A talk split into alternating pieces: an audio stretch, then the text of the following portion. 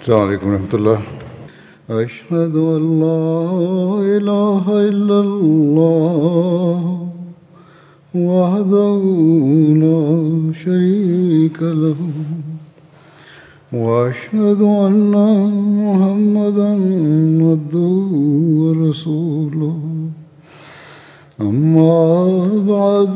فأعوذ بالله من الشيطان الرجيم.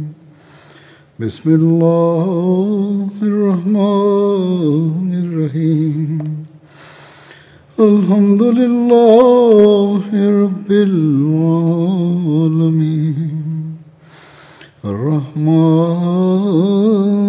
الرحيم. مالك يوم الدين. إياك نعبد وإياك نستعين. إهدنا الصراط المستقيم.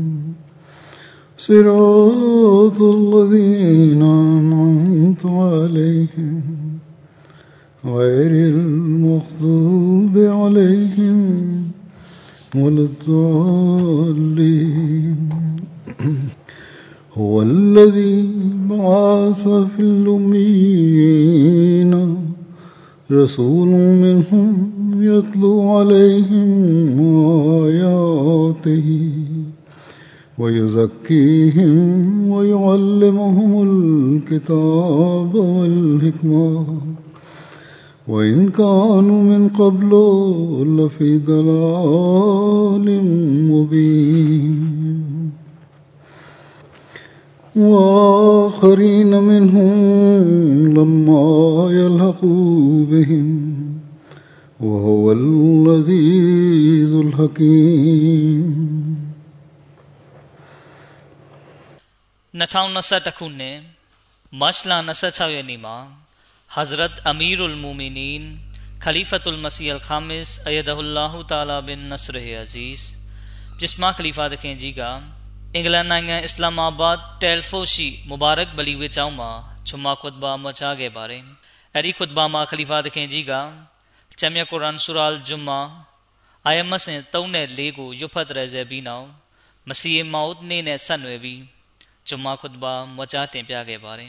ဒီခွတ်ဘာမှာခလီဖာသခင်ကြီးကကျမ်းမြတ်ကုရ်အာန်ဆူရာအလ်ဂျွမာအာယမတ်စဉ်3နဲ့4ကိုရွတ်ဖတ်ရစေပြီးနောက်မစီမောက်နေ့နဲ့ဆက်နွယ်ပြီးဂျွမာခွတ်ဘာမချတင်ပြခဲ့ပါတယ်။ဒီနောက်အဲ့ဒီအာယတ်မုခဘတ်တော်တွေရဲ့ဘာသာပြန်ကိုတင်ပြပါတယ်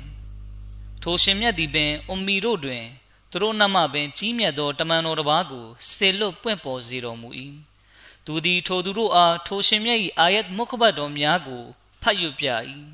ထိုပြင်သူတို့အားတန်ရှင်းစင်ကြယ်အောင်ပြုလုပ်၏ထိုပြင်သူတို့အားကျမ်းတော်နှင့်ဉာဏ်မျောမြင်ပညာကိုသင်ပေး၏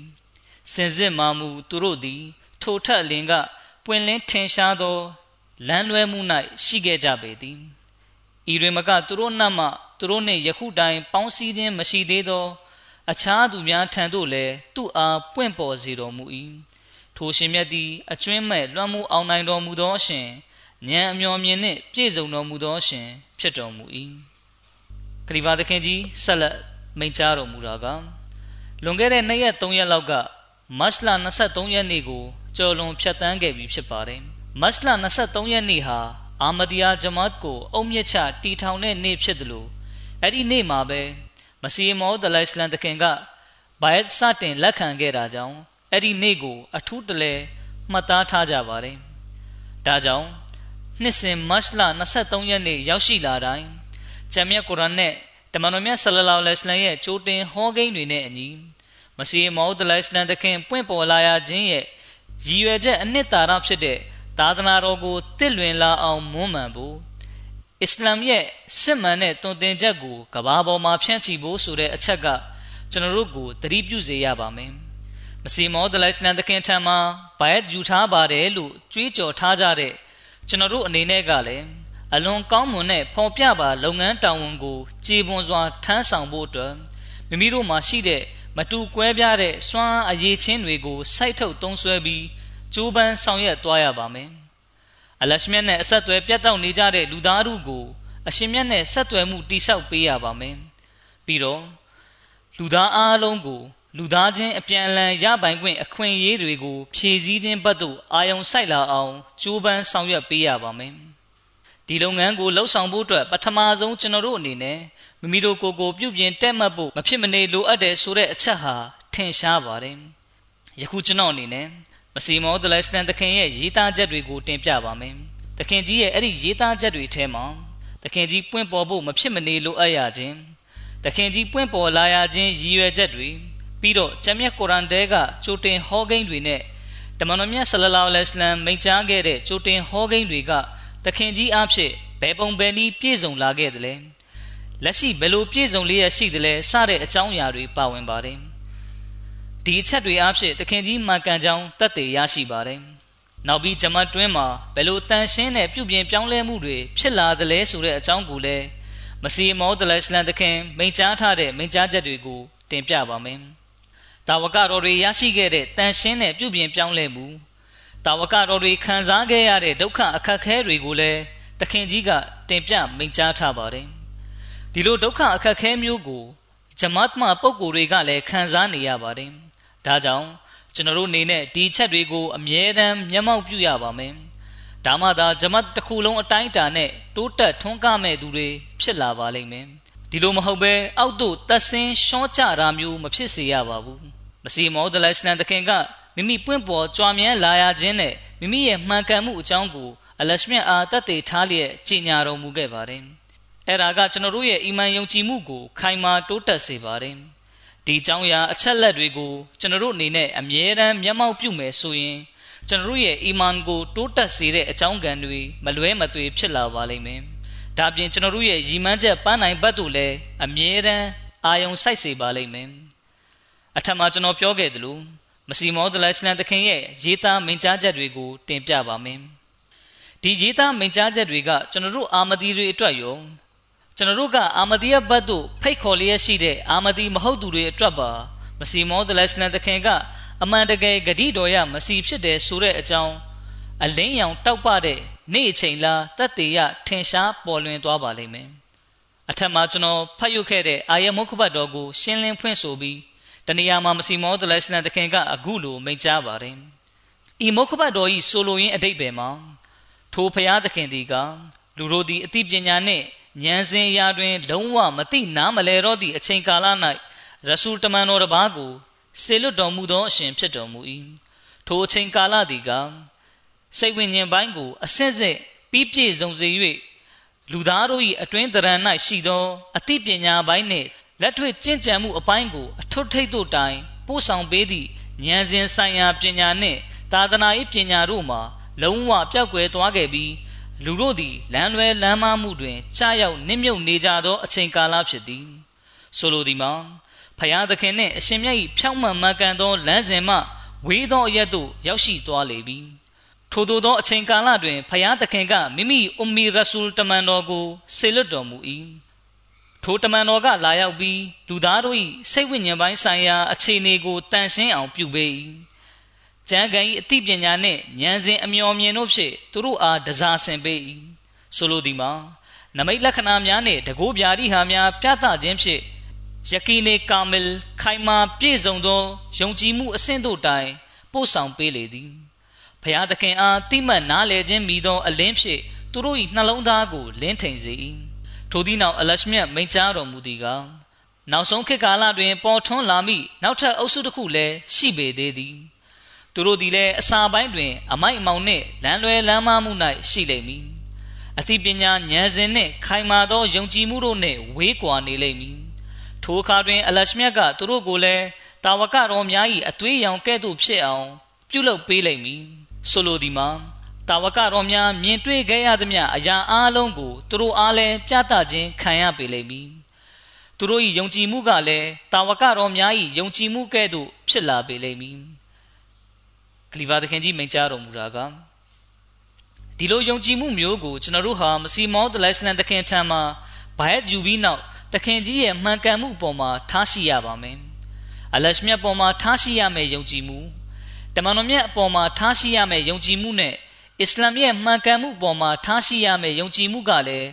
တာဝကတော်တွေမှာရှိတဲ့ယုံကြည်မှုလိုမျိုးဖြစ်နေရပါမယ်လက်တလုံးမှာကျွန်တော်ကလည်းတာဝကတော်တွေအကြောင်းတင်ပြနေပြီး အဲ့ဒီခွတ်တဘာတွေအားဖြင့်တာဝကတော်တွေရဲ့ယုံကြည်မှုအခြေအနေကိုသိမြင်နိုင်ပါတယ်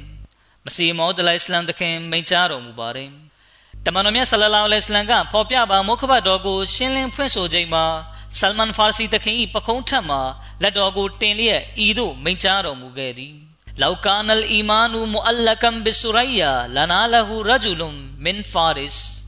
အီမန်ယုံကြည်မှုသည်ကြက်တီကနတ်ခတ်သို့ ရောက်လင်သွားလင်လဲပါရှင်အနွယ်ထဲမှာပုဂ္ဂိုလ်တဦးသည်ယင်းအီမန်ကိုပြန်လဲယူဆောင်လာပေးလိမ့်မည်။ဤမိန့်ကြားချက်ကနောက်ဆုံးခေတ်ကာလတွင်ပါရှင်အနွယ်ဝင်ထဲမှပုဂ္ဂိုလ်တဦးပေါ်ထွန်းလာမည်ဟူသည့်ဘက်သို့ရည်ညွှန်းနေခြင်းဖြစ်သည်။ထိုသည့်နောက်ဆုံးခေတ်ကာလနှင့်ဆက်လင်း၍ပင်ကုရ်အန်သည်ကောင်းကင်သို့ပင့်မခြင်းကိုခံရလိမ့်မည်ဟူသည့်ကြိုတင်ဟောကိန်းလည်းရှိနေပေသည်။ထိုခေတ်သည်ပင်ဂတိတော်ရမစီပွင့်ပေါ်မိခေတ်ကာလဖြစ်သည်။ဆိုလိုတာက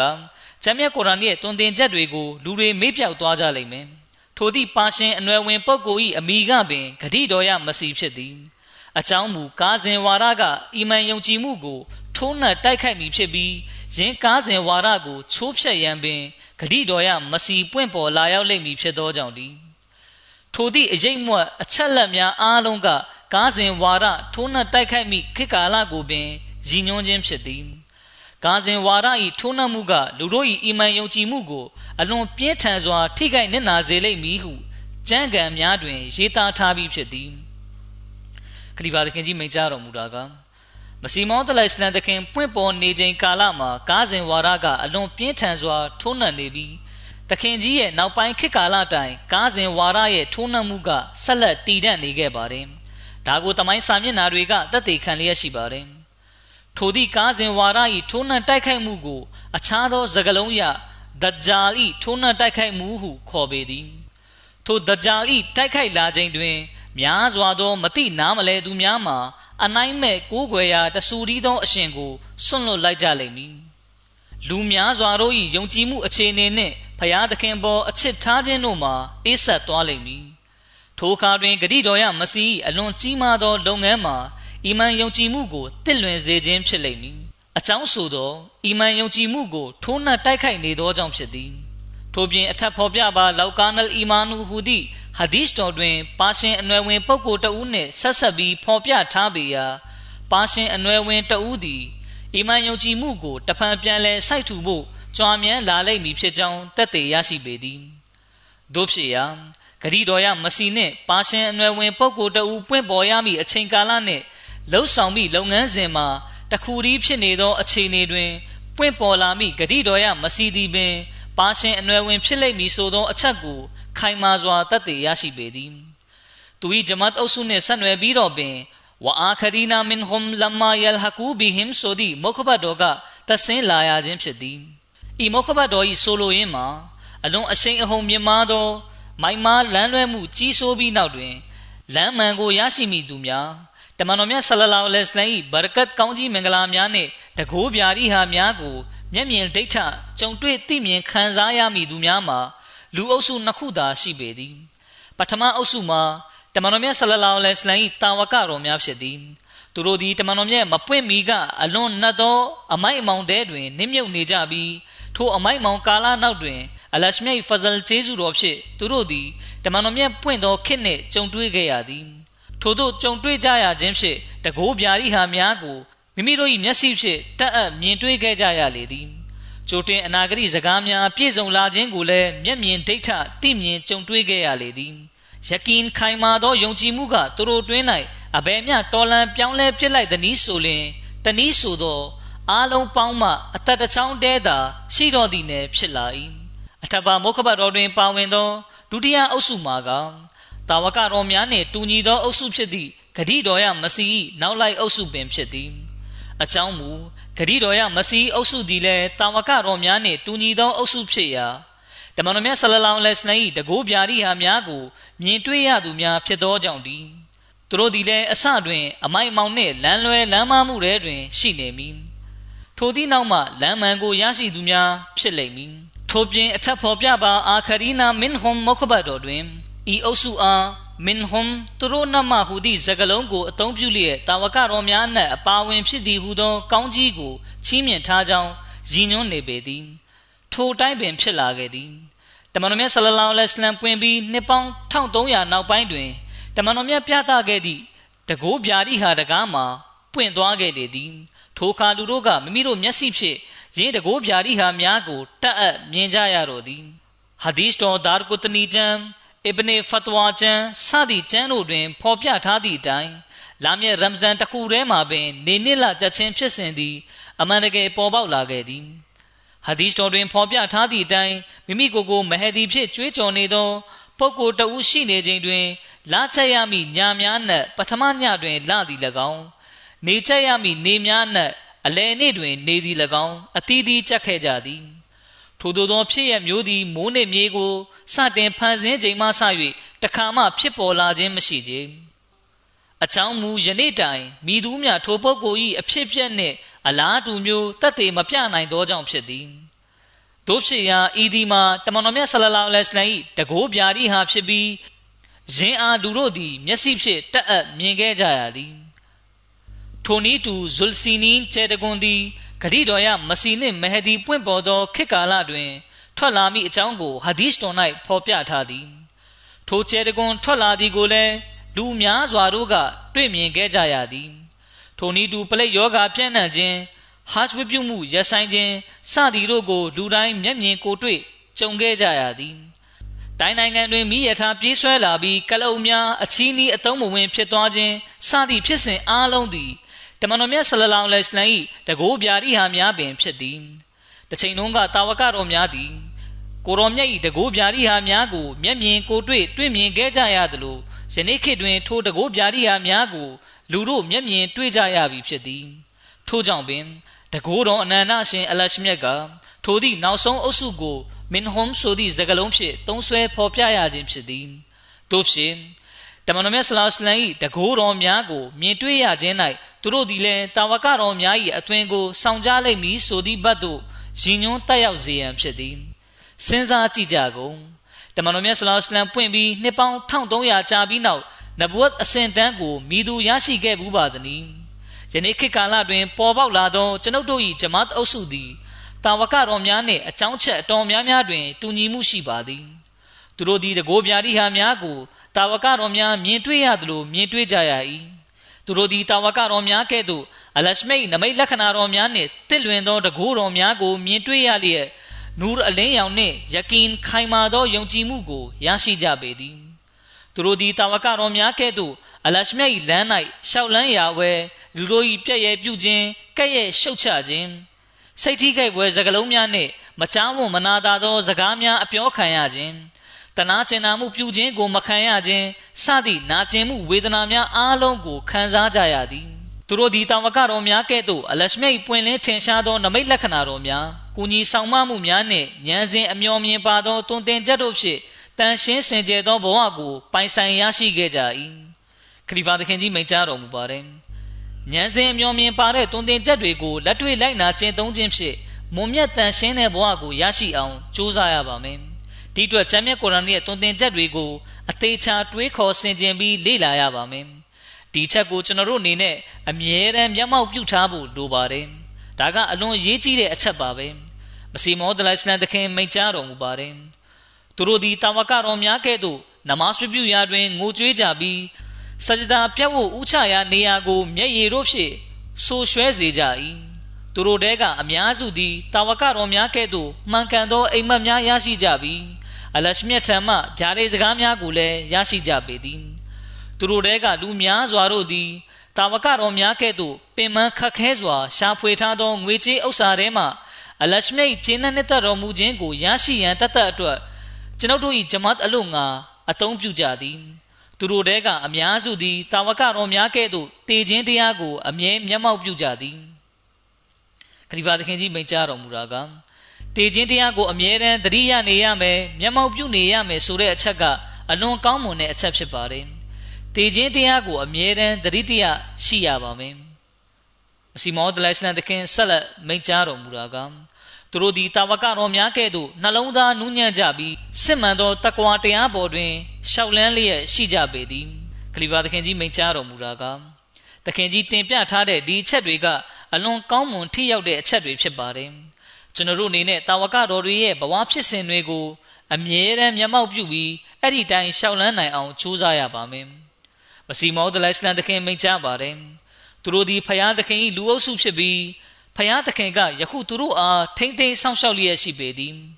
နေစဉ်နဲ့မျှသူတို့၏နှလုံးသားကိုတန်ရှင်းအောင်ပြုပေးလျက်ရှိပေသည်သူတို့၏ရင်ပတ်များကိုယုံကြည်မှုဆိုင်ရာအမျှော်မြင်တို့ဖြင့်ဖြည့်တင်းပေးလျက်ရှိသည်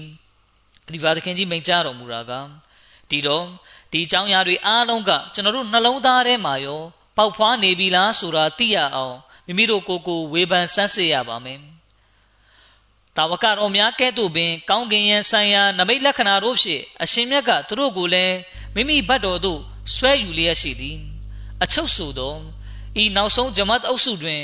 အာခရီနာမင်ဟွမ်ဆိုသည့်ဇဂဇုထဲတွင် ပါရှိသော အနှစ်သာရအားလုံးကို တွေ့ရှိရပေသည် အလရှမိတ်မိန့်ကြားချက်သည်တနေ့တွင် မလွဲမသွေပြည့်စုံရမည်သာသည်ဒီနောက်မစီမောဒလရှလန်တခင်မိန့်ကြားပါတယ်ယခုခေတ်ကာလသည်အလရှမြတ်ကလူမျိုးအုပ်စုအသီးသီးကိုတခုတည်းသော လူအုပ်စုကြီးဖြစ်အောင်ရည်ရွယ်တော်မူထားသောခေတ်ကာလပင်ဖြစ်သည်ဘာသာရေးပြဿနာများကိုအဆုံးသတ်ပြီးနောက်ဆုံးတွင်ဘာသာတရားတစ်ခုတည်းပေါ်၌လူသားအားလုံးကိုစူးစီးရန်အရှင်မြတ်ကရည်ရွယ်တော်မူ၏ ဘာသာတရားများကြားလိုင်းတဘိုးထံမိခေတ်ကာလနှင့်ဆက်လင်း၍အလရှမြတ်ကကျမ်းမြတ်ကုရ်အာန်၌မိန့်ကြားတော်မူသည်မှာဝနုဖီကန်ဖစ်ဆူရီဖဂျမအာနာဟွမ်ဂျမ်အာထို့ပြင်တဘိုးခင်အားကိုမှုတ်စေတော်မူလျက်သူတို့သည်၎င်းတို့အားလုံးကိုစုယုံစေတော်မူပေမည်ကျမ်းမြတ်ကုရ်အာန်18ချိုးတရားဤမုခဘတ်တော်ကိုသူရှိကမုခဘတ်တော်များနှင့်ပေါင်းဆက်လိုက်လျင်ယင်းဤဆိုလိုရင်းအတိတ်ဘယ်မှာဤသို့ဖြစ်၏ ထိုခေတ်ကာလတွင်ကဘာပေါ်၌ဘာသာတရားများစွာတို့သည် အလွန်ပြင်းထန်စွာအုံကြွကြလိမ့်မည်လိုင်းတော်တစ်ခုကနောက်တစ်ခုကို ခုံအုပ်တကဲ့သို့ဘာသာတရားတစ်ခုကအခြားဘာသာတရားတစ်ခုပေါ်သို့လွှမ်းမိုးခုံအုပ်လိမ့်မည်ဘာသာတရားတစ်ခုကအခြားဘာသာတရားတစ်ခုကိုဖျက်ဆီးပြည့်ရန်ရည်ရွယ်လိမ့်မည်ထို့သို့သောဘာသာယူဝါဒများအကြားလိုင်းတဘိုးထန်နေသောခေတ်တွင်မိုးနှင့်မြေကိုစိုးပိုင်တော်မူသောဖယားသခင်ရှင်မြတ်က လောကီဆိုင်ရာမိတို့သောအကြောင်းကံများမပါပဲမိမိတကိုးတော်လက်ဖြင့်အဖွဲ့အစည်းအသစ်တစ်ခုကို ပေါ်ထွက်လာစေလိမ့်မည်ထိုအဖွဲ့အစည်းထဲတွင် ထိုက်တန်သူများနှင့်အတွင်းစွမ်းရည်ရှိသူများကိုစူးစီးလိမ့်မည်ထိုအခါတွင် သူတို့ကဘာသာတရားဆိုသည်မှာအဘယ်အရာဖြစ်ကြောင်းကို နားလည်သိရှိလာကြလိမ့်မည်သူတို့တွင်း၌ဘဝအသက်နှင့်စစ်မှန်သောဖြောင့်မတ်မှန်ကန်မှု၏အသက်ဝိညာဉ်ကိုမှုတ်သွင်းခြင်းခံရလိမ့်မည် ဖယားသခင်၏အတိညာဉ်စဉ်မှအဖျော်ရည်ကိုတိုက်ကြွေးခြင်းခံရလိမ့်မည်လွန်ခဲ့သောနှစ်ပေါင်း1300အလင်ကပင် ထုတ်ပြန်ခဲ့သည့်ကျမ်းမြတ်ကုရ်အာန်လာထိုချိုတင်ဟောကိန်းမပြည့်စုံမချင်းကဘာကြီးသည်အဆုံးညီကုန်းသို့ရောက်လိမ့်မည်မဟုတ်ချေဘာသာတရားအသီးသီးလူမျိုးအုပ်စုအဖုံဖုံတို့ကိုဘာသာတရားတစ်ခုတည်းတွင်စူးစီးမိနောက်ဆုံးခေတ်ကာလနှင့်ဆက်လင်း၍ဖယားသခင်ကနမိတ်လက္ခဏာတစ်ခုတည်းကိုဖော်ပြတတ်မှတ်ထားသည်မဟုတ်ချေအမှန်ဆိုသော ဂျမ်းမြတ်ကုရ်အာန်တွင်အခြားများစွာသောနမိတ်လက္ခဏာများကိုလည်းဖော်ပြထားသည်ဥပမာနောက်ဆုံးခေတ်တွင်မြစ်ချောင်းအင်းအိုင်များစွာတို့စီးတွေ့လိမ့်မည်မြေကြီးအောက်တွင်တိမ်မြုပ်နေသောဗန္နာတိုက်များနှင့်ဒနာဥစ္စာများသည်ပေါ်ထွက်လာလိမ့်မည်သိပ္ပံဝိဇ္ဇာပညာရဲ့များစွာတို့ပေါ်ထွက်လာလိမ့်မည်စာအုပ်စာပေများစွာထုတ်ဝေဖြန့်ချီရန်အကြောင်းကံများပေါ်လာလိမ့်မည်ကလုံများကိုအချီးနှီးအတုံးမဝင်ဖြစ်သွားစေမိ အစည်းနှင်းသစ်များပေါ်ထွက်လာလိမ့်မည်ရင်းအားဖြင့်လမ်းပန်းဆက်သွယ်ရေးမှာအလွန်လွယ်ကူသွားပေလိမ့်မည်နိုင်ငံတနိုင်ငံနဲ့တနိုင်ငံလူအုပ်စုတစ်ခုနဲ့တစ်ခုတွဲဆုံရသည်မှာလွယ်ကူသည့်အခြေအနေများပေါ်ပေါက်လာလိမ့်မည်အပြန်လန်းလွယ်ကူစွာသတင်းအချက်အလက်များပို့ဆောင်နိုင်လိမ့်မည်လာတလတဲ့တွင်မိုးကောင်းကင်၌နေနစ်လာတို့သည်အသီးသီးကြက်ကြလိမ့်မည်နေလာကြက်ခြင်းအဖြစ်ဖြင့်ပေါ်ပေါက်ပြီးနောက်တွင်ကဘာပေါ်၌အလွန်ပြင်းထန်စွာပလိတ်ယောဂါကပ်ပေးစိုက်ကပ်လာလိမ့်မည် အဘယ်များဆိုလင်ပလိတ်ယောဂါကပ်ပေးမှမိသည့်မြို့မိသည့်ရွာများကင်းလို့လိမ့်မည်မဟုတ်ချေရင်းကြောင့်လောကတွင်များစွာသောတေခြင်းများဆက်ရောက်လိမ့်မည်ဖြစ်ပြီးလူသူစိတ်သုံးသောအယက်ဌာနေကဲ့သို့ဖြစ်သွားလိမ့်မည်အချို့မြို့ရာများဆိုလျင်လုံးဝပျက်စီးခြုံငိမ့်သွားလိမ့်မည်ဖြစ်ပြီးအမတ်လက္ခဏာပင်ကျွင်းကြံလိမ့်မည်မဟုတ်ချေအချို့မြို့ရာများသည်အတိုင်းအတာတစ်ခုတည်းကတ်ဆိုးဆက်ရောက်ခြင်းဒဏ်ကိုခံရပြီးထိုသည့်နောက်ယင်အားကဲတင်ခြင်းခံရလိမ့်မည် ထိုနေ့သည်ဖျားသခင်ထံမှအလွန်ပြင်းထန်စွာအမျက်ဒေါသကြားရောက်သောနေ့ဖြစ်လိမ့်မည်ထို့သောဖြစ်ရခြင်းကထိုခေတ်တွင်ဖျားသခင်ရွေးချယ်ဆေလွတ်သောပုဂ္ဂိုလ်အလို့ငါဖျားသခင်ကထင်ရှားစေသောအရှင်မြတ်နမိတ်လက္ခဏာတော်များကိုလူတို့ကမဟုတ်မမှန်ဟု၍ညင်းပယ်ကလက်မခံကြသောကြောင့်ဖြစ်သည်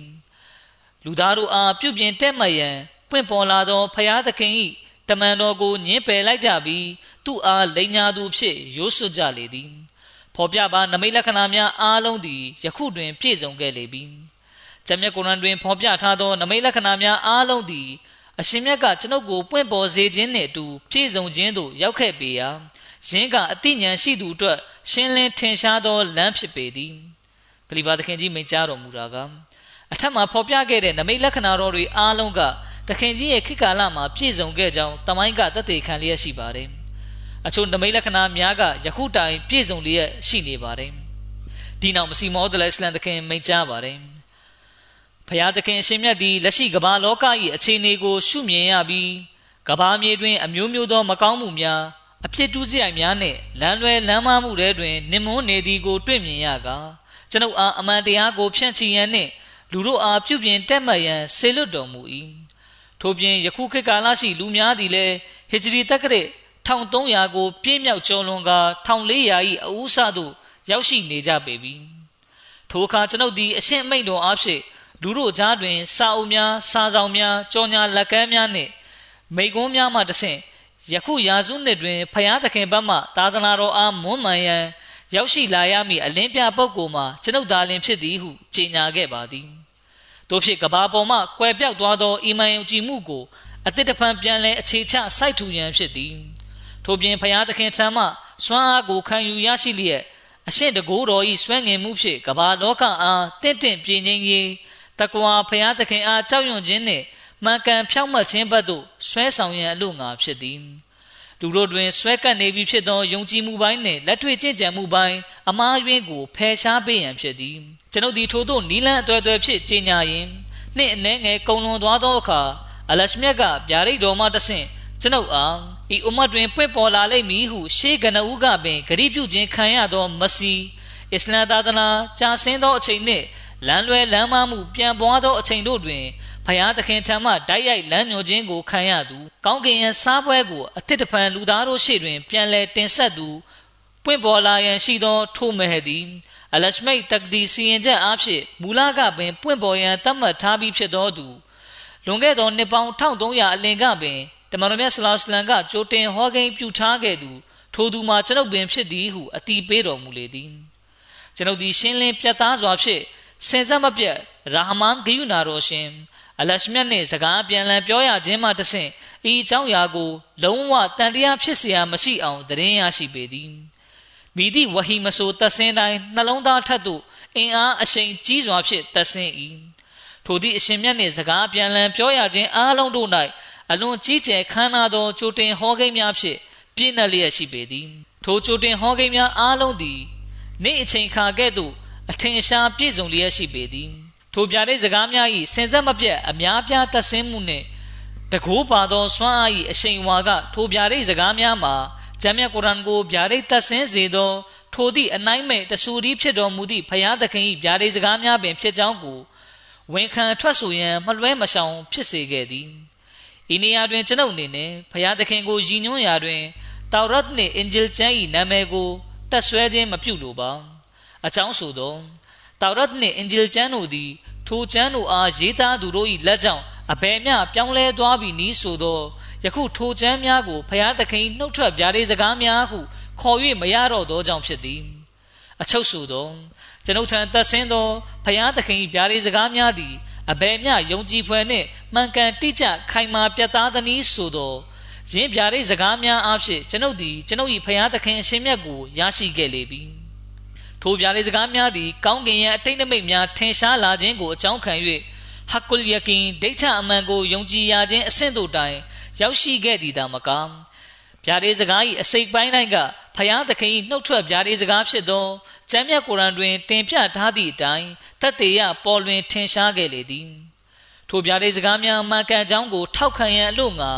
ကောင်းကင်ရဲ့အတိတ်နမိတ်များကမိုးကဲ့သို့ရွာသွန်းလာလေသည်ထိုချိန်ကာလမှာပင်လာမည့်ရမ်ဇန်တလထဲ၌နေနှစ်လတို့သည်အတီးတီးကြက်ခဲ့ကြလေသည်ထိုကြောင့်ကိုဟာဒီသ်တော်များတွင် မဟဒီခေတ်၌လာမည့်ရမ်ဇန်တလထဲမှာပင်နေနှစ်လတို့သည်အသီးသီးကျက်လိမ့်မည်ဟုရေးသားဖော်ပြထားသည်ထိုချိန်ကာလမှာပင်ပัญจပြည်နယ်၌ပလိတ်ယောဂကပ်ဘေးတို့သည်အမြောက်အများဖြစ်ပေါ်ခဲ့လေသည်ထိုကြောင့်ကိုလည်းကျမ်းမြတ်ကုရ်အန်တွင်ကြိုတင်သတင်းပြောကြားထားခဲ့ပြီးဖြစ်သည်ထို့ပြင်ရှေးရခင်ပွင့်ပေါ်ခဲ့ကြသည့်တမန်တော်များကလည်းထိုချိန်တွင်ကပ်ယောဂအမြောက်အများပေါ်ပေါက်လာလိမ့်မည်မိသည့်မြို့ရွာများထိုကပ်ယောဂများမှလွတ်မြောက်လိမ့်မည်မဟုတ်ဟု၍ သတင်းပြောကြားထားပြီးဖြစ်သည်အမှန်တကယ်ထိုတိုင်းပင်ဖြစ်ပျက်ခဲ့ပြီးဖြစ်ပျက်လျက်ရှိသည်ထိုဗျာဒိစကားကိုအရှင်မြတ်ကကျွန်ုပ်အားပေးချိန်တွင်ဤနိုင်ငံ၌ပလိတ်ယောဂါဟု၍အမိနှင့်အမတ်လက္ခဏာပင်မရှိသေးခြင်းပလိတ်ယောဂါမဖြစ်ပွားမီ22နှစ်အလင်ကပင်အရှင်မြတ်ကပလိတ်ယောဂါဖြစ်ပွားမီအကြောင်းကျွန်ုပ်အားသတင်းပေးခဲ့လေသည်ဒီနောက်မစီမောဒလရှ်နဲ့တခင်ကမိမိရဲ့ချွေးကြော်ချင်ညာချက်နဲ့ဆက်လင်းပြီးခုလိုမိန့်ကြားပါတယ် ကျွန်ုပ်ဒီအချိန်ခါနှင့်လျော်ညီစွာပွင့်ပေါ်လာသူဖြစ်သည်ကျွန်ုပ်လူငါလာမည့်ရမ်ဇန်တွင်မိုးကောင်းကင်၌နေနှစ်လတို့သည်ကုရ်အာန်ဟာဒီစ်အင်ဂျီလ်နှင့်အခြားတမန်တော်များစွာတို့၏ချိုတင်သတင်းပြောကြားမှုနှင့်ညီအသီးသီးချက်ခဲ့ကြသည်ကျွန်ုပ်ဒီကထိုသူသည်ကျွန်ုပ်၏ခေတ်ကာလတွင်ကျမ်းမြတ်ကုရ်အာန်နှင့်တမန်တော်အားလုံးတို့၏ချိုတင်သတင်းပြောကြားမှုနှင့်ညီဤနိုင်ငံတွင်အလွန်ကြောက်မက်ဖွယ်ကောင်းသောပလိတ်ယောဂါကပ်ဘေးအကြီးကျယ်ပြန့်နှံ့ခဲ့သည်ကျွန်ုပ်ဒီကထိုသူသည် ကျွန်ုပ်၏ခေတ်ကာလတွင်စစ်မှန်သောဟာဒီစ်တော်များတွင်လာရှိသောကြိုတင်ဟောကိန်းများနှင့်အညီဟာချ်ပြုရန်တားဆီးခြင်းခံခဲ့ရသည်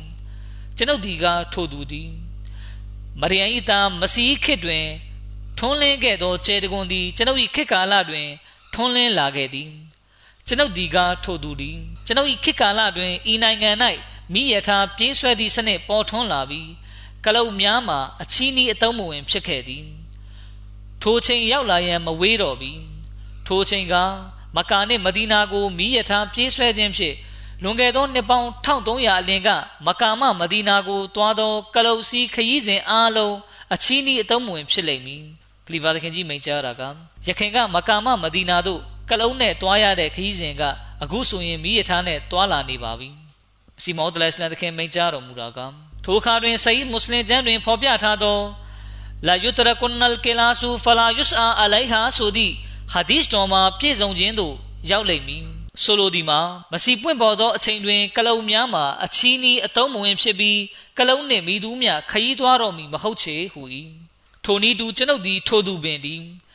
ကျွန်ုပ်၏လက်ထက်တွင်မရေမတွက်နိုင်သောနမိတ်လက္ခဏာတို့ပေါ်ထွန်းလာခဲ့သည်ကဘာပေါ်တွင်နမိတ်လက္ခဏာများပြသနိုင်မှုအရာတွင်ကျွန်ုပ်အားအနိုင်ယူလွှမ်းမိုးနိုင်သူတဦးရှိပါသလုံး ကျွန်ုပ်၏အသက်ကိုစိုးပိုင်တော်မူသောဖယားသခင်အားချိန်ဆပြီးပြောပါသည်ယခုတိုင်ကျွန်ုပ်လက်တွင်နမိတ်လက္ခဏာပေါင်း2သိန်းကျော်ပြည့်စုံခဲ့ပြီးဖြစ်သည်လူရေတထောင်သို့မဟုတ်တထောင်နီးပါးရှိသောလူတို့ကတမန်တော်မြတ်ဆလလောလဟ်အလัยဟ်ကိုအိမ်မက်တွင်မြင်ကြရပြီးအိမ်မက်တွင်ကိုရောမြတ်ကကျွန်ုပ်မာကန်ဒီကို ထောက်ခံခဲ့ကြောင်းပြောပြကြသည်ထို့ပြင်ဤနိုင်ငံ၌တပည့်နောက်လိုက်ပေါင်း3သိန်း4သိန်းများရှိကြသည့်နာမည်ကျော်ကရှဖျပုဂ္ဂိုလ်များရှိပြီး ထိုပုဂ္ဂိုလ်တို့အားအိမ်မက်ထဲတွင်ဤသူသည်ဖျားသခင်အရှင်မြတ်ဘတ်တော်မှဖြစ်ကြောင်းမြင်မှတ်ကြသည်ထိုကရှဖျပုဂ္ဂိုလ်များနှင့်ကျွန်ုပ်မပေါ်ထွန်းမီနှစ်ပေါင်း30အနည်းကကွယ်လွန်သွားကြသူများလည်းရှိကြသည်ထိုသူများနှင့်လူဒီယာနာမျိုးသားဂူလပ်ရှားဆိုသောကရှဖျပုဂ္ဂိုလ်ကမီယန်ကရင်ဘတ်ဆိုသူအားအီစာဒီကာဒီယန်၌ပေါ်ထွန်းခဲ့ပြီးသူသည်လူဒီယာနာသို့လာလိမ့်မည်ဟုသတင်းပေးပြောကြားခဲ့သည်အလရှမြတ်တဆူရီကိုကိုးကွယ်သော သူတော်ကောင်းပုဂ္ဂိုလ်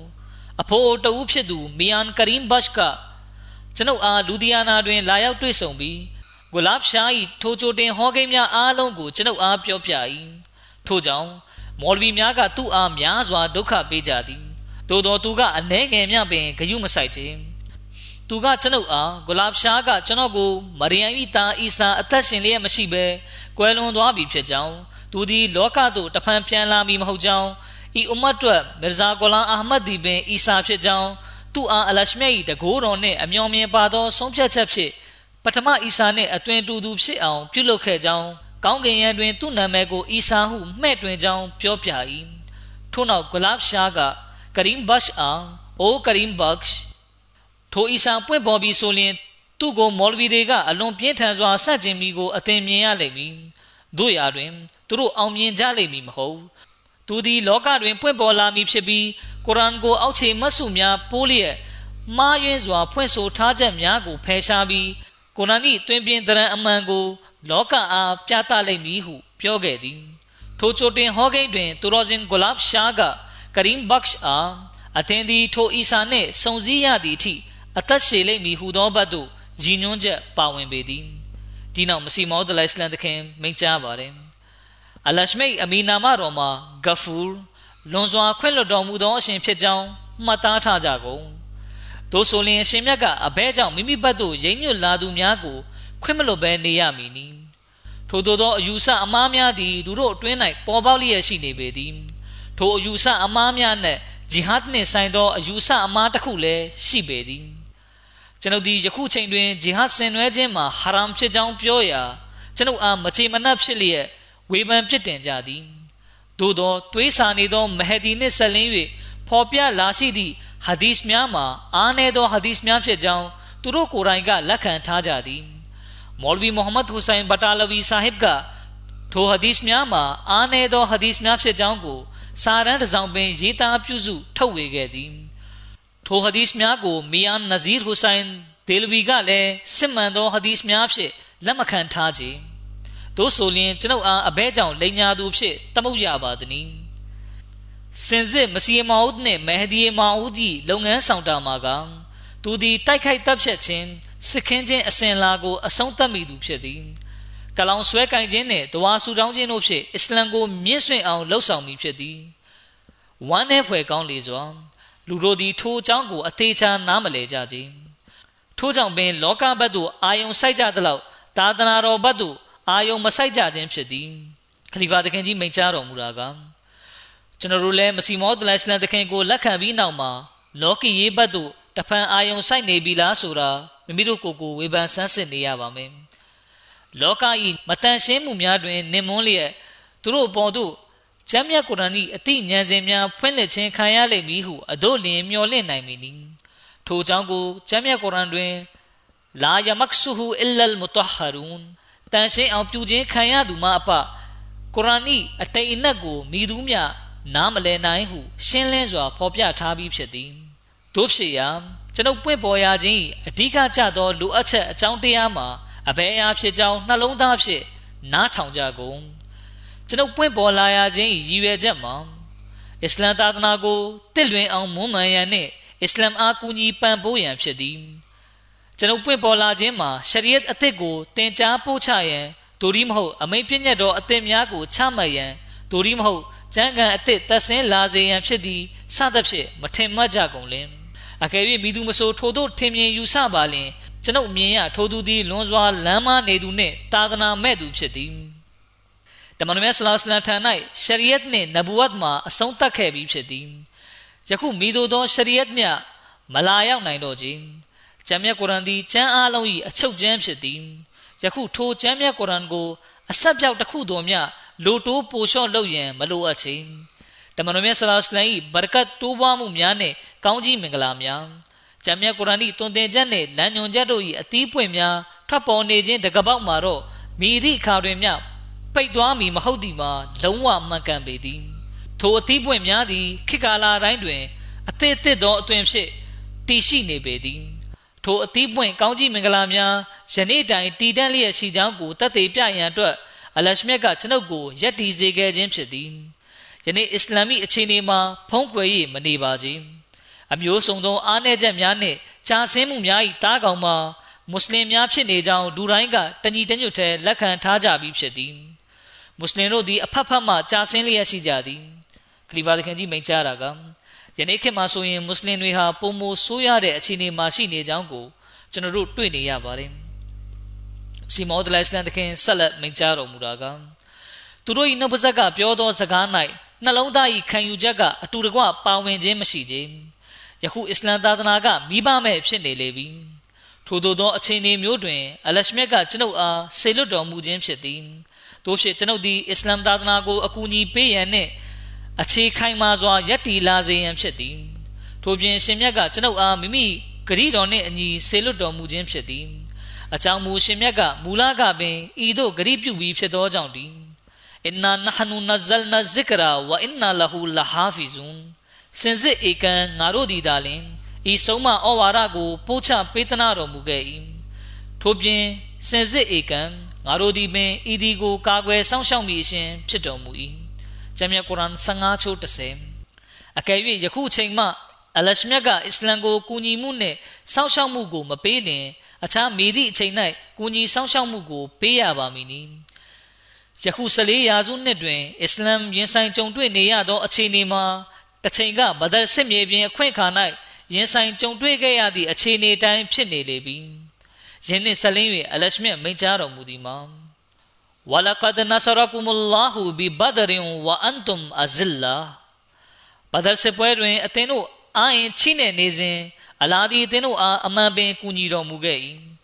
ဂျမ်းမြတ်ကုရ်အာန်3ချိုး124ဤမုခဘတ်တော်တွင်အမှန်အားဖြင့်ကြိုတင်ဟောကိန်းတစ်ခုတိမ်မြုပ်လျက်ရှိပေသည်ဆိုလိုသည်မှာ14ရာစုနှစ်တွင် အစ္စလာမ်သည်အာရင်နေပြီးကုကယ်ရမဲ့ဖြစ်လာသောအခါထိုချိန်တွင် အလရှမြတ်ကမိမိဂရီတော်နှင့်အညီ အစ္စလမ်ကိုကူညီဆောင်မတော်မူမည်ဖြစ်သည်ထိုချိန်တွင်အလရှမြတ်ကမိမိဂရီတော်နှင့်အညီအစ္စလမ်ကိုကူညီဆောင်မတော်မူမည်ဖြစ်သည်သို့ဆိုလျှင်အလရှမြတ်ကအစ္စလမ်ကိုကူညီသည့်အတွက်အသင်းတို့အဘဲကြောင့်အံ့ဩတုန်လှုပ်ရပါသည်။ဒီနောက်မစီမောဒလအစ္စလမ်တခင်ကြီးကမိမိနဲ့ဆန့်ကျင်ပြီးဆန့်ကျင်ဘက်ရန်သူတွေက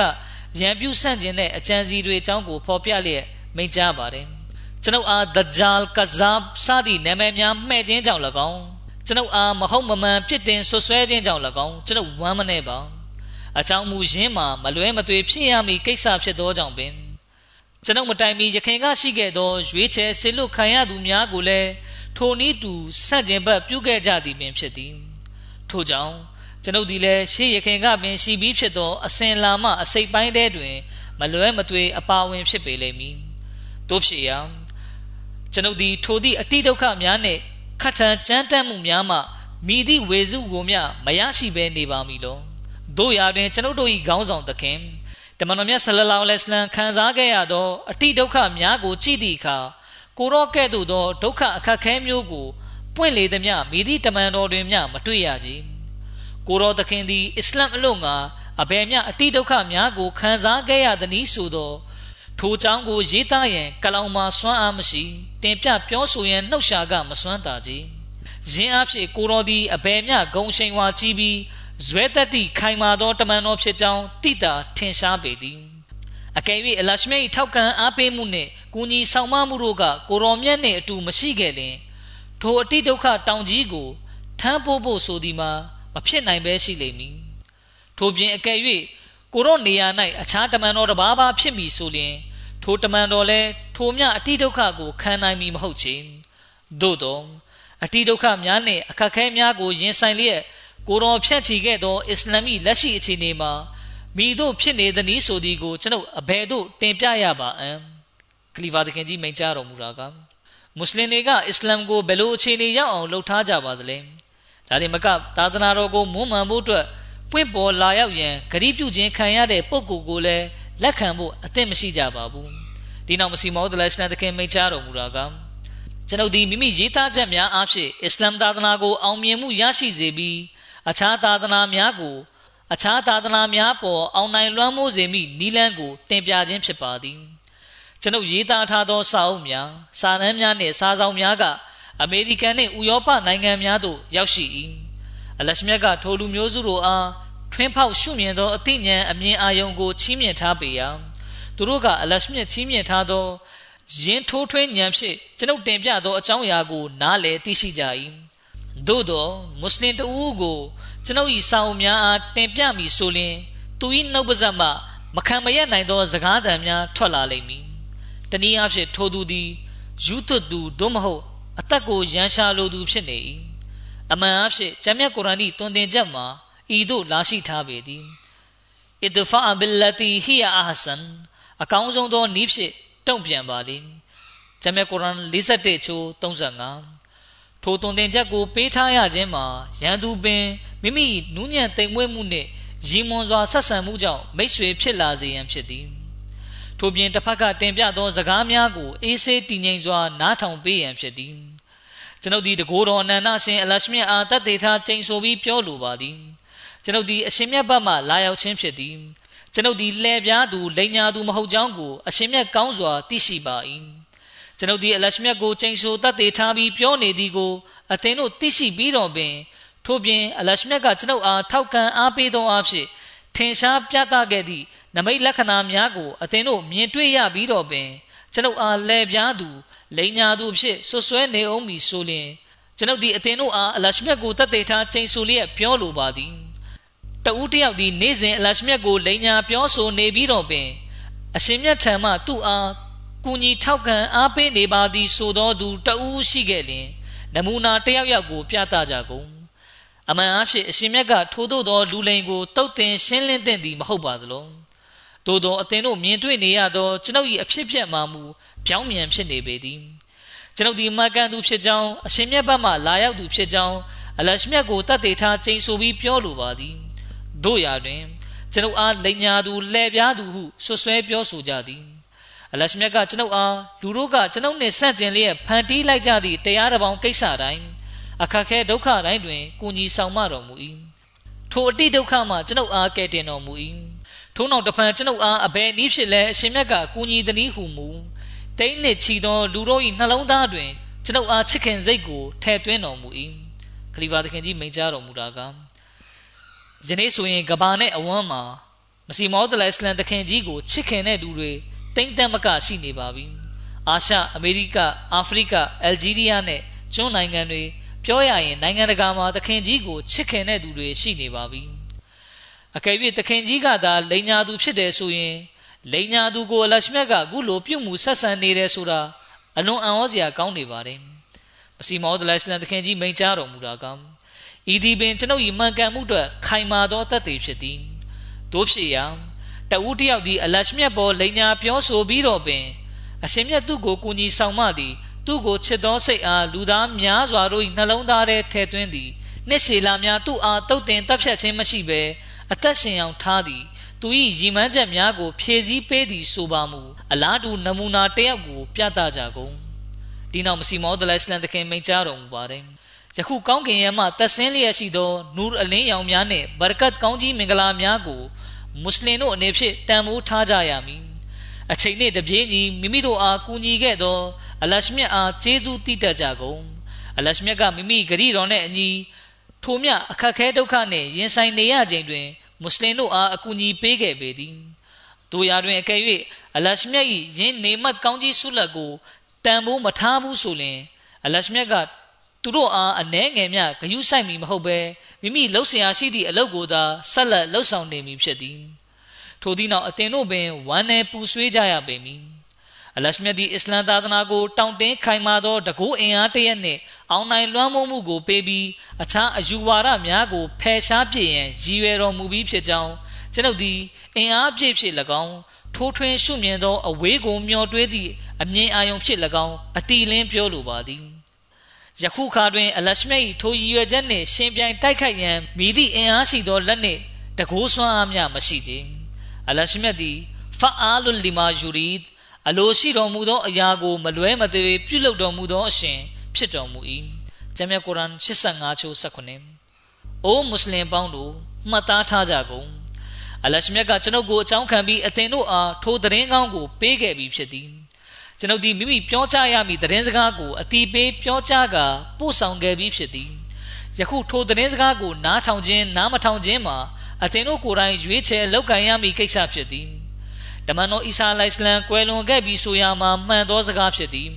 ပွင့်ပေါ်လာရန်ရှိသောဂရိတော်ရပုဂ္ဂိုလ်မှာကျွန်ုပ်ပင်ဖြစ်ကြောင်းအလရှမြတ်ကိုတတ်သိထားချိန်ဆိုပြီးပြောလိုပါသည်ထို့ပြင်အစ္စလမ်သာသနာ၏ရှင်သန်ခြင်းကတမန်တော်အီဆာကွယ်လွန်ခြင်း၌တည်နေကြောင်းမှာလည်းအမှန်တရားဖြစ်သည်ဒီနောက်မစီမောဒလအစ္စလမ်သခင်မိန့်ကြားပါတယ်ကျွန်ုပ်အားရန်ပြုဆန့်ကျင်နေကြသည့်မတိနားမလဲသောဆန့်ကျင်သူများကိုအလရှမြတ်ကနေ့စဉ်ကျွန်ုပ်၏မှန်ကန်မှုအတွက်အမျိုးမျိုးသောနမိတ်လက္ခဏာများကိုပြသလျက်ကျိုးရုပ်ရှက်ရဖြစ်အောင်ပြုလုပ်လျက်ရှိပေသည် ထို့ပြင်ကျွန်ုပ်သည်အလရှမြတ်အားတတ်သိထားချိန်ဆိုပြီးပြောလိုပါသည်အရှင်မြတ်သည်အစ္စရာဟင်အလိုင်စလမ်အားစကားအပြန်လန်ပြောတဲ့ကဲ့သို့အစ်ဟာက်အစ္စမာအီလ်ယာကူဘ်ယူဆုဖ်မူဆာနှင့်မရိယမ်တာမစီအလိုင်ဟီမုဆလမ်တို့နှင့်လည်းစကားပြန်လန်ပြောတော်မူ၏သူတို့အားလုံး၏နောက်တွင်ကျွန်ုပ်တို့၏တမန်တော်မြတ်ဆလလောလဟ်အလัยဟိဝါစလမ်နှင့်အဘယ်မျှစကားပြန်လန်ပြောတော်မူသည်ဆိုလျှင်အားလုံးထက်အလင်းဝင်းဆုံးနှင့်အမွန်မြတ်ဆုံးသောဝဟီပြားလိတ်ကို ပို့ချပေးတော်မူခဲ့ပေသည်ထိုနည်းတူအရှင်မြတ်ကကျွန်ုပ်ကိုလည်းမိမိနှင့်စကားအပြန်အလှန်ပြောရခြင်းဟူသည့်ဂုံစင်တန်းကိုချီးမြှင့်တော်မူခဲ့ပေသည်တို့ရာတွင်ထိုဂုံစင်တန်းကိုကျွန်ုပ်သည်တမန်တော်မြတ်ဆလောလ္လမ်ကိုနောက်လိုက်နာခံခြင်းတသက်ကြောင့်သာရရှိခြင်းဖြစ်သည်အကယ်၍ကျွန်ုပ်သည်တမန်တော်မြတ်ဆလလောလ္လဟ်အလိုင်းအွမ်မတ်နောက်လိုက်အုပ်စုဝင်သာမဟုတ်ခဲ့လျင်ကိုရောမြတ်၏နောက်သို့ဖဝါခြေထက်မကွာလိုက်နာရှောင်လန်းခြင်းမရှိခဲ့လျင်ကဘာပေါ်တွင်ရှိသမျှသောတောင်တန်းများအားလုံးတမျှ ကျွန်ုပ်၏ကျင့်ကြံအားထုတ်မှုများကရှိခဲ့လျင်တောင်မှအလရှမြတ်နှင့်စကားအပြန်လန်ပြောရခြင်းမိသောဂုံစင်တန်းကို လုံးဝရရှိလိမ့်မည်မဟုတ်ချေအကြောင်းဆိုသောယခုတွင်မိုဟာမဒီနဘူဝတ်မှအပကျန်နဘူဝတ်အားလုံးမှာပိတ်သွားပြီဖြစ်သောကြောင့်ပင်ရှရီယတ်ယူဆောင်လာမိမိသည့်တမန်တော်များမပွင့်ပေါ်နိုင်တော့ချေရှရီယတ်ယူဆောင်လာခြင်းမရှိသောတမန်တော်ကတော့ပွင့်ပေါ်နိုင်သည်သို့သောဥစွာအွမ်မတီတမန်တော်မြတ်ဆလလောလ္လဟ်အလိုင်းနောက်လိုက်ဖြစ်ပေါ်တော်လူသည် ထိုရှုထောင့်ရကျွန်ုပ်သည်အွမ်မတီလည်းဖြစ်သလိုနဗီတမန်တော်လည်းဖြစ်ပေသည်ကျွန်ုပ်ရရှိသောနဘူဝတ်နှင့်အရှင်မြတ်နှင့်စကားအပြန်လန်ပြောဆိုရခြင်းအစဉ်တန်းသည်တမန်တော်မြတ်နဘူဝတ်၏ဇိလ်ပုံရိပ်ဖြစ်သည်ကိုရောမြတ်၏ပုံရိပ်မရှိလျင်ကျွန်ုပ်၏နဘူဝတ်မှာဘာမျှမဟုတ်ချေကျွန်ုပ်တွင်ထင်ရှားလာသည်မှာမုဟမ္မဒီနဘူဝတ်ဖြစ်သည်ကျွန်ုပ်သည်တမန်တော်မြတ်ဆလလောလ္လဟ်အလိုင်းဇိလ်ပုံရိပ်နှင့် အွမ်မတီဖြစ်ပေရာရင်းကြောင့်တမန်တော်မြတ်၏ဂုံရှိန်ဝါကို ထိခိုက်ခြင်းအလင်းမရှိပါကြီးကျွန်ုပ်ရရှိသောအလရှမတ်နှင့်စကားပြန်လည်ပြောဆိုရခြင်းမှာယုံကြည်စိတ်ချရသောတကယ်ဖြစ်ရမှန်ဖြစ်ပါသည်အကယ်၍ယင်းကိုကျွန်ုပ်ကတည်ငကားဖြစ်စေတန်တရားဝင်ပြီးဆိုလျှင်ကာဖာမယုံကြည်တွေးပြီးသူဖြစ်သွားပေလိမ့်မည်ကျွန်ုပ်၏တမလွန်ဘဝအခြေအနေကလည်းပျက်စီးသွားပေလိမ့်မည်ကျွန်ုပ်ထံသက်ဆင်းသောဗျာဒိတ်စကားများသည်ယုံကြည်စိတ်ချရပြီးဗဂရိမှန်ကန်မှုများဖြစ်သည် ပမာဆိုသောနေမင်းထွန်းလင်းနေမှုနှင့်ရင်း၏အလင်းရောင်ကိုမြင်တွေ့ရပြီးဤဒီမှာနေမင်းလောဤဒီမှာနေမင်းမှထွက်သောအလင်းရောင်လောဟု၍ဇဝေဇဝါဖြစ်ကာရင်းပေါ်မိသူမြတန်တရားဝင်၍မရတကဲ့သို့ဖြစ်သည်ထိုနည်းသူကျွန်ုပ်သည်လည်းမိမိရရှိသောအရှင်းထံမှဗျာဒိစကားများပေါ်တန်တရားမဝင်နိုင်ပါကြကျွန်ုပ်ရရှိသောဗျာဒိတ်ပေါ်အရှင်မြတ်ကျမ်းဂန်အပေါ်ယုံကြည်တကဲ့သို့ယုံကြည်ပါသည်မစီမောဒလိုင်စလန်တခင်မိန့်ကြားပါတယ် အလရှမြတ်ခန့်အပ်စေလို့သောကျွန်ုပ်လှုပ်ဆောင်ရမည့်လုပ်ငန်းတာဝန်မှာဖန်ဆင်းရှင်နှင့်ဖန်ဆင်းကံလူသားတို့အကြားတွင် ကာစည်းခဲ့ပြီးဖြစ်သောဝေးကွာမှုကိုဖယ်ရှားလျက်ချစ်ချင်းမေတ္တာနှင့်ဖြူစင်သင့်မြတ်မှုဖြင့်နှောင့်တီးဖွဲ့မှုကိုတဖန်ထပ်၍တည်တံ့အောင်ပြုလုပ်ရန်အမှန်တရားကိုပေါ်လွင်ထင်ရှားစေခြင်းဖြင့်ဘာသာရေးစစ်ပွဲများကိုချုပ်ငိမ့်စေလျက်ငြိမ်းချမ်းရေးအုတ်မြစ်ကိုအခြေချတိဆောက်ရန်လောကီမျက်လုံးများမှဖုံးကွယ်သွားပြီးဖြစ်သည့် ဘာသာရေးဆိုင်ရာအမှန်တရားများကို ပေါ်လွင်ထင်ရှားလာစေရန်ထို့ပြင်အမောင်စိတ်များ၏အောက်တွင်နစ်မြုပ်တကြိုခံထားရသောနံဝင်ကြီးဆိုင်ရာအနှစ်သာရများ၏လက်တွေ့စံနမူနာများကို ပြသရန်လူသား၏အတွင်းအစ္စဒသို့ဝင်ရောက်ပြီးအာယုံဆုဆိုင်ခြင်းနှင့်ဆူတောင်းခြင်းတို့ကိုအကြောင်းခံကာပေါ်လွင်ထင်ရှားတတ်သောဖယားသခင်၏တကိုးဆွမ်းတော်များကိုခံစားရသည့်စိတ်ခံစားမှုအခြေအနေကို အပြောတတ်တတ်ဖြင့်မဟုတ်ဘဲလက်တွေ့ထင်ရှားပြသရန်စသည်တို့ဖြစ်သည်ဖော်ပြပါလုပ်ငန်းတာဝန်များအားလုံးထပ်ပို့ပြီးကျွန်ုပ်အထူးသဖြင့်လှုပ်ဆောင်ရမည့်လုပ်ငန်းတာဝန်မှာယခုခေတ်ကားတွင်တိမ်မြုပ်ဖုံးကွယ်သွားခဲ့ပြီးဖြစ်သည့်အမျိုးမျိုးသောတုဖတ်ထားရှင်တွဲကိုးကွယ်မှုအဖြစ်နာဆာများမှကင်းစင်သောတောက်ပလင်းလက်လျက်ရှိသည့်တောင်ဟိတဆူရှင်ဝါဒစစ်စစ်ကို လူတို့အကြားတွင်တကြိမ်ထက်၍အခြေချစိုက်ပျိုးရန်ဖြစ်၏ ဤလုပ်ငန်းတာဝန်များအားလုံးသည်ကျွန်ုပ်၏လောက်ကိုင်းနိုင်စွမ်းဖြင့်ဖြစ်ပေါ်နိုင်လိမ့်မည်မဟုတ်ပဲမိုးကောင်းကင်နှင့်မြေကဘာ၏အရှင်သခင်ဖြစ်တော်မူသောဖရာသခင်အလရှမိတ်တကိုးဆွမ်းတော်အားဖြင့်သာဖြစ်ပေါ်လာပေလိမ့်မည်ကျွန်ုပ်မြင်တွေ့ရပါ၏တစ်ဖက်တွင်ရှင်မြတ်ကကျွန်ုပ်အားပြုစုပြောထောင်တော်မူလျက်မိမိဗျာဒိစကားကိုကျွန်ုပ်အားချီးမြှင့်ပြီးကျွန်ုပ်၏နှလုံးသားကိုဖော်ပြပါပြုပြင်ရေးလုပ်ငန်းစဉ်များကိုလှုပ်ဆောင်ရန်ရက်တည်နိုင်ဖို့စိတ်ဆွမ်းအားကိုပေးသနာခဲ့သလိုအခြားတစ်ဖက်တွင် ကျွန်ုပ်၏စကားများကို နားထောင်လက်ခံရန်အစွမ်းအစနှင့်ထိုက်တန်မှုရှိသောနှလုံးသားများကိုလည်းပြင်ဆင်တော်မူခဲ့ပါသည်ကျွန်ုပ်မြင်တွေ့ရပါ၏ဖျားသခင်သည်ကျွန်ုပ်အားလောကသို့ခန့်အပ်စေလွတ်ချိန်မှစ၍လောကတွင် အလွန်ကြီးမားသောတော်လှန်ပြောင်းလဲမှုတည်းဖြစ်ပေါ်လာတော့သည်အနောက်နိုင်ငံများနှင့်အမေရိကန်နိုင်ငံစသည်တို့ကတမန်တော်အီစာဖျားဖြစ်သည်ဟုသောအယူဆပေါ်ဆွဲလန်းနှစ်သက်ခုံမင်နေကြပြီးယခုဆိုရင် သူတို့၏တုတေသီများကို၌ကထိုယုံကြည်ချက်အယူဆမှဖဲခွာသွားနေကြပေပြီခလီဖာသခင်ကြီးမိန့်ကြားတာကအခုဆိုရင်ဒီယူဆကိုလက်မခံညှင်းဆန်တဲ့သူမရေမတွက်နိုင်အောင်ပေါ်ထွက်လာပါပြီမစီမောဒလိုင်စလန်တခင်ဆက်လက်မိန့်ကြားတော်မူတာကဆွေစဉ်မျိုးဆက်လိုက်ရုတ်တုစင်းတုများနှင့်နတ်ဒေဝတာများကိုကိုးကွယ်ခြင်း၌ချစ်ခင်ရင်မှုဆွဲလန်းနေကြသူများအနံများစွာသောလူတို့သည်ရုတ်တုစင်းတုဆိုသည်မှာ ဘာယာတစ်ခုမျှမဟုတ်ကြောင်းသိရှိလာနေကြပြီယခုမူသူတို့သည်နံဝင်ကြီးဆိုသည်ကိုမတိနားမလဲကြသေးပဲစင်တူရိုးမစကလုံးအချို့ကိုမီယိုးဖလာဒလိထုံတန်းသဘောဖြင့်ပြောဆိုနေကြတော်လဲ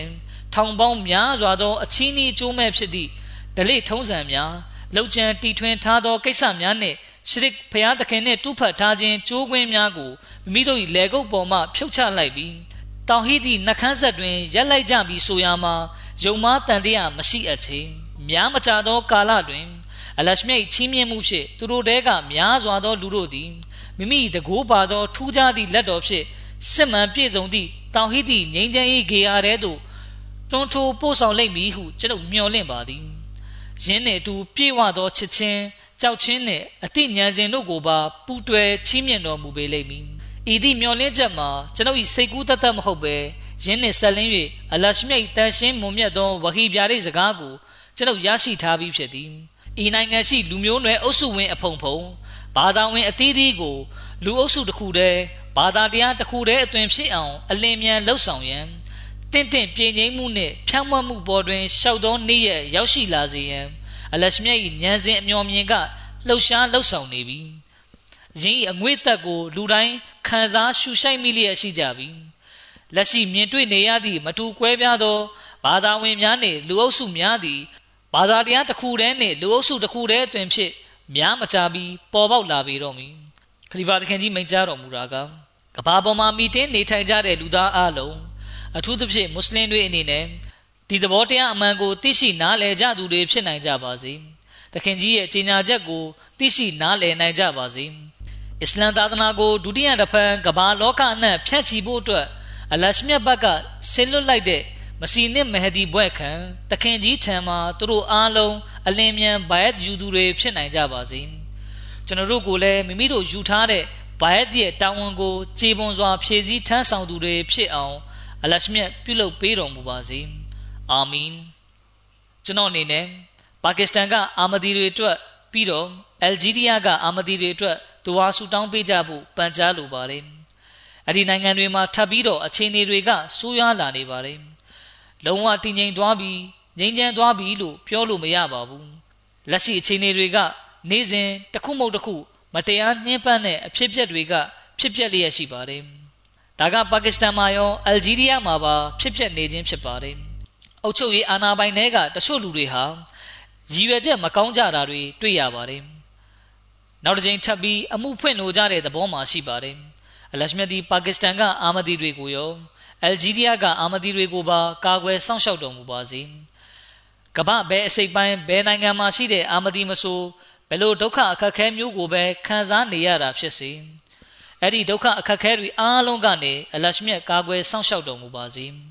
ဒါပေမဲ့အာမဒီတွေအနေနဲ့လည်းရခင်ထက်ပိုပြီးအလရှမြတ်ဘတ်သို့အာယုံဆိုင်လျက် ရိမ့်ညွတ်ကြဖို့လွန်စွာအရေးကြီးပါတယ်အာမဒီတွေအားလုံးအီဘာဒတ်တာဝန်တွေကိုခြေပွန်သူတွေဖြစ်နိုင်ကြပါစေ။ဟာကုကုလ်အီဘာဒ်လူသားအချိုးပြုခြင်းတာဝန်တွေကိုလည်းကျေပွန်စွာထမ်းရွက်သူတွေဖြစ်နိုင်ကြပါစေမိမိတို့ရဲ့လက်တွေ့ကျင့်သုံးမှုအခြေအနေတွေကိုပုံမတိုးတက်အောင်ပြုစုပြောထောင်သူတွေဖြစ်နိုင်ကြပါစေအလရှမြတ်နဲ့ထူးခြားတဲ့ဆက်နွယ်မှုတိဆောက်သူတွေဖြစ်နိုင်ကြပါစေ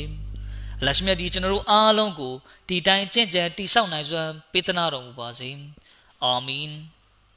الحمد لله الحمد لله نحمده ونستعينه ونستغفره ونؤمن به ونتوكل عليه ونعوذ بالله من شرور أنفسنا ومن سيئات أعمالنا. من يهده الله فلا مضل له ومن يضلله فلا هادي له. ونشهد أن لا إله إلا الله ونشهد أن محمدا عبده ورسوله. عباد الله رحمكم الله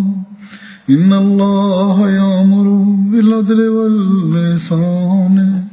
وإيتاء ذي القربى وينهى عن الفحشاء والمنكر والبغي يعظكم لعلكم تذكرون. اذكروا الله يذكركم وذوه يستجب لكم. ولذكر الله أكبر